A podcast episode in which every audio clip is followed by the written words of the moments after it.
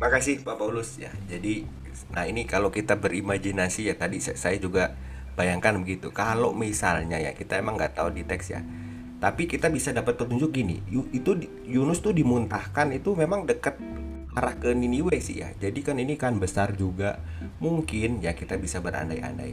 Penduduk Niniwe juga ini udah tahu nih Yunus nih sudah mengalami hal yang benar-benar berat dan dia hidup gitu. Nah, ini jadi mereka uh, apa namanya tahu ini ada kuasa yang besar nih di balik orang ini ya. Begitu. Itu kemungkinan pertama. Atau kemungkinan kedua taruhlah orang Niniwe belum pernah dengar ya. Belum pernah dengar kejadiannya Yunus berarti orang Niniwe itu ketaatannya kepada Tuhan itu tanpa perlu bukti. Nah itu kita bisa pilih yang mana aja sih. Itu oke okay. tapi yang penting adalah akhirnya mereka bertobat ya orang Niniwe Baik, ya. Sebelum kita ke aplikasi ada lagi yang mau menambahkan? Ibu Nuni mungkin mau menambahkan silakan Bu Nuni.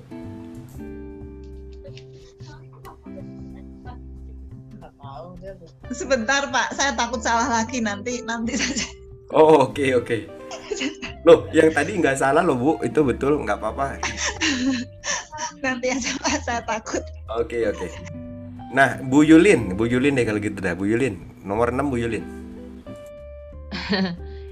um, cerita mengenai Yunus ini memang kita uh, sudah mengenal dari sejak sekolah minggu ya.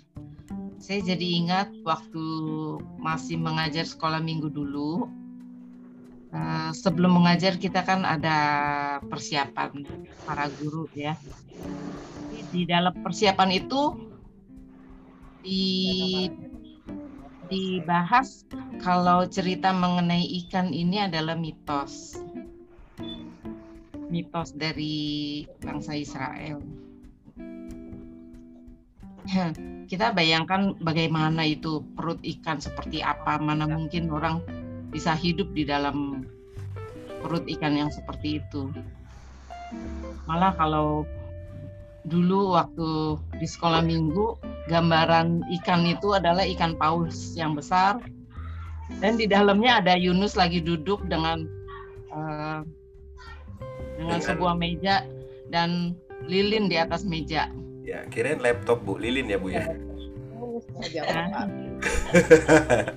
ya silakan lanjut Bu, lilin lanjut ya. Iya. Kita dapat bayangkan dari mana datangnya itu lilin ya. Ada mejanya segala, ada kursi segala di dalam perut ikan. Jadi mengenai cerita ikan ini katanya mitos. Nah, saya juga nggak nggak nggak ingat gimana uh, hubungannya dengan dengan apa yang ada di dalam Matius itu yang disebutkan eh, Tuhan Yesus di dalam Matius 12 uh, eh, tanda Yunus Nah itu saya juga nggak ingat. Mungkin Pak Yesen ya uh, bisa uh, melengkapi ya. ya, ya. Jadi uh, memang kita kita tahu sendiri perut ikan itu seperti apa gitu. Mana mungkin orang bisa hidup di dalam perut ikan seperti itu. Itu aja Pak. Baik, nah ini Ibu Yulin mempertanyakan nih Ibu Bapak nih. Ada ya yang memang beranggapan kisah Yunus ini mitos Sebab kalau kita pakai logika sains sekarang, mana bisa orang ini hidup eh, di dalam perut ya perut ikan tiga hari lagi ya. Gimana tanggapannya ibu bapak? Silakan. Ada yang mau menanggapi? Sebelum nanti saya tanggapi ya, ibu bapak dulu ya silakan. Uh, saya menanggapi Pak sedikit ya Pak. Ya silakan Pak Joni.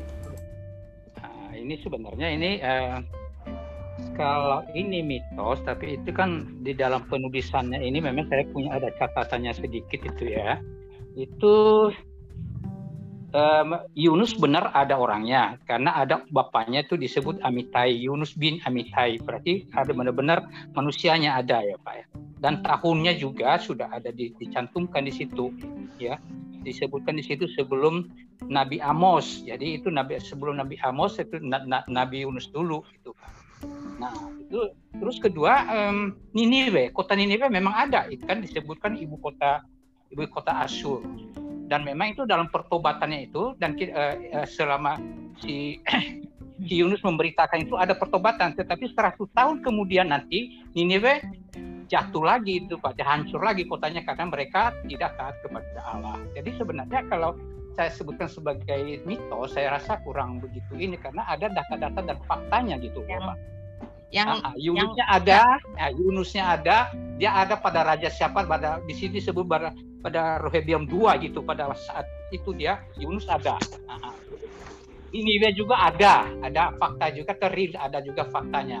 Ya, ada juga kehancurannya sesudah itu 100 tahun sesudah itu Niniwe jatuh lagi dan hancur karena mereka tidak taat kepada Allah. Jadi hanya itu aja yang, Yang- saya bisa ya. yang dimaksudkan mitos itu yang cerita ikannya aja Pak, bukan bukan cerita eh, mengenai kota dan negaranya, yang mengenai ikannya aja. Baik, ya. Nah, oke, ada yang ah, Kalau mitos yang mengenai ikan ya mungkin kita tidak ini karena memang Alkitab menyebutkan begitu ya kita harus mempercayai. Karena banyak hal-hal yang di luar eh, nalar kita logika kita tidak menerima. Itu namanya misteri Allah. Ya seperti tadi dibilang Tuhan bisa maha kuasa dari segala makhluk dia bisa memakai itu apa saja karena Alkitab menulis itu ya kita harus percayai. Saya tidak ada log- log- logika lain lagi atau atau apa yang ini. Itu, itu saja Pak. Karena misteri misteri inilah di situlah ke ayat kekuasaan Allah masih tetap ada itulah kealahannya dia bekerja dalam misteri-misteri yang tidak bisa dicapai oleh logika kita manusia karena Alkitab menyebutkan ikan besar ya kita harus percaya secara iman memang ikan besar itu aja Pak saya terima kasih Pak terima kasih ya. Jadi ya, saya ingin tanggapi langsung Ibu Yulin ya. Jadi- Oh ya, Pak Bambang dulu. Ya, silakan Pak Bambang. Nah, kalau itu mitos, kenapa tanda-tanda Yunus itu dipakai oleh Tuhan Yesus? Tuhan Yesus mengatakan tanda-tanda Yunus, ya kan tiga hari di dalam perut ikan. Berarti kan itu bukan cuma sekedar mitos. Apakah Tuhan Yesus juga memakai hal-hal yang mitos itu untuk mengatakan bahwa dia juga akan akan ada di dalam tanah selama tiga hari gitu. Nah, itu yang pertama. Yang kedua, hal-hal yang ajaib itu memang terjadi di zaman-zaman baik perjanjian lama maupun perjanjian baru. Misalnya begini, secara logika tidak mungkin seorang perawan itu melahirkan anak. Tapi nyatanya Yesus lahir dari perawan. Kan gitu Pak. Jadi mitos apa mungkin untuk orang lain yang bukan Kristen itu mitos gitu. Nggak percaya dia. Dan masih banyak lagi saya kira hal-hal yang yang tidak tidak masuk logika itu Pak. Terima kasih Pak. Baik, makasih. Nah, ada lagi se- setelah Pak Bambang yang mau menanggapi ini Ibu Yulin mempertanyakan nih ya. eh, Ya, eh, saya. ya, saya- silakan. Silakan, Bu. eh, saya pikir ini Bu Yulin ini eh, mungkin ini porsinya, porsi untuk anak sekolah minggu. Diharapkan supaya anak-anak ini lebih tertarik, lebih cepat menerima cerita ini gitu. Tapi sebetulnya ini eh, suatu kebohongan ya. Sebetulnya mereka diajarkan kuasa Tuhan itu dari dulu sampai segini loh, gitu. Sebetulnya dikatakan mitos itu porsinya untuk anak sekolah minggu saya pikir. Bukan kali Bu, untuk gurunya justru.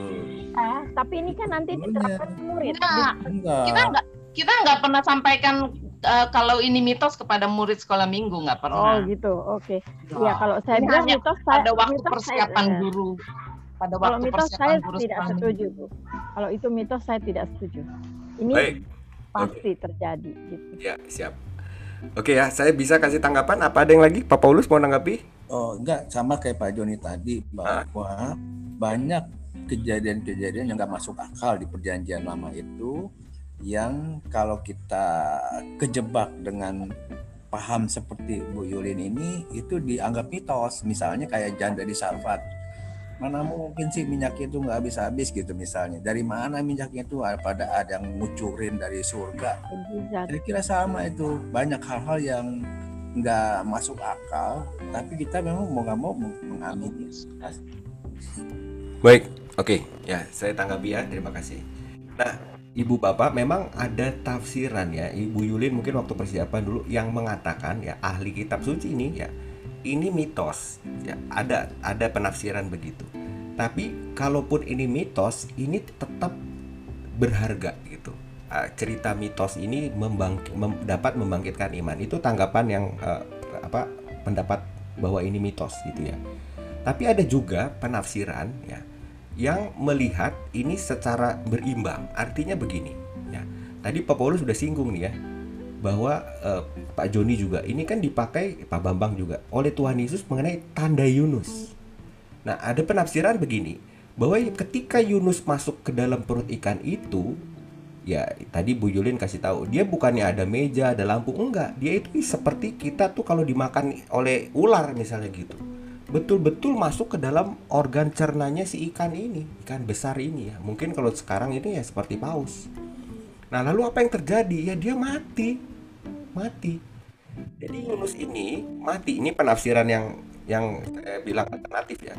Yunus tuh mati. Nah, lalu yang percakapan dengan Tuhan itu gimana? Doa. Nah, itu ya kalau di dalam tradisi Yahudi ya, itu memang dilakukan di dalam keadaan dia itu lagi uh, mati. Jiwanya itu berbicara dengan Allah ya.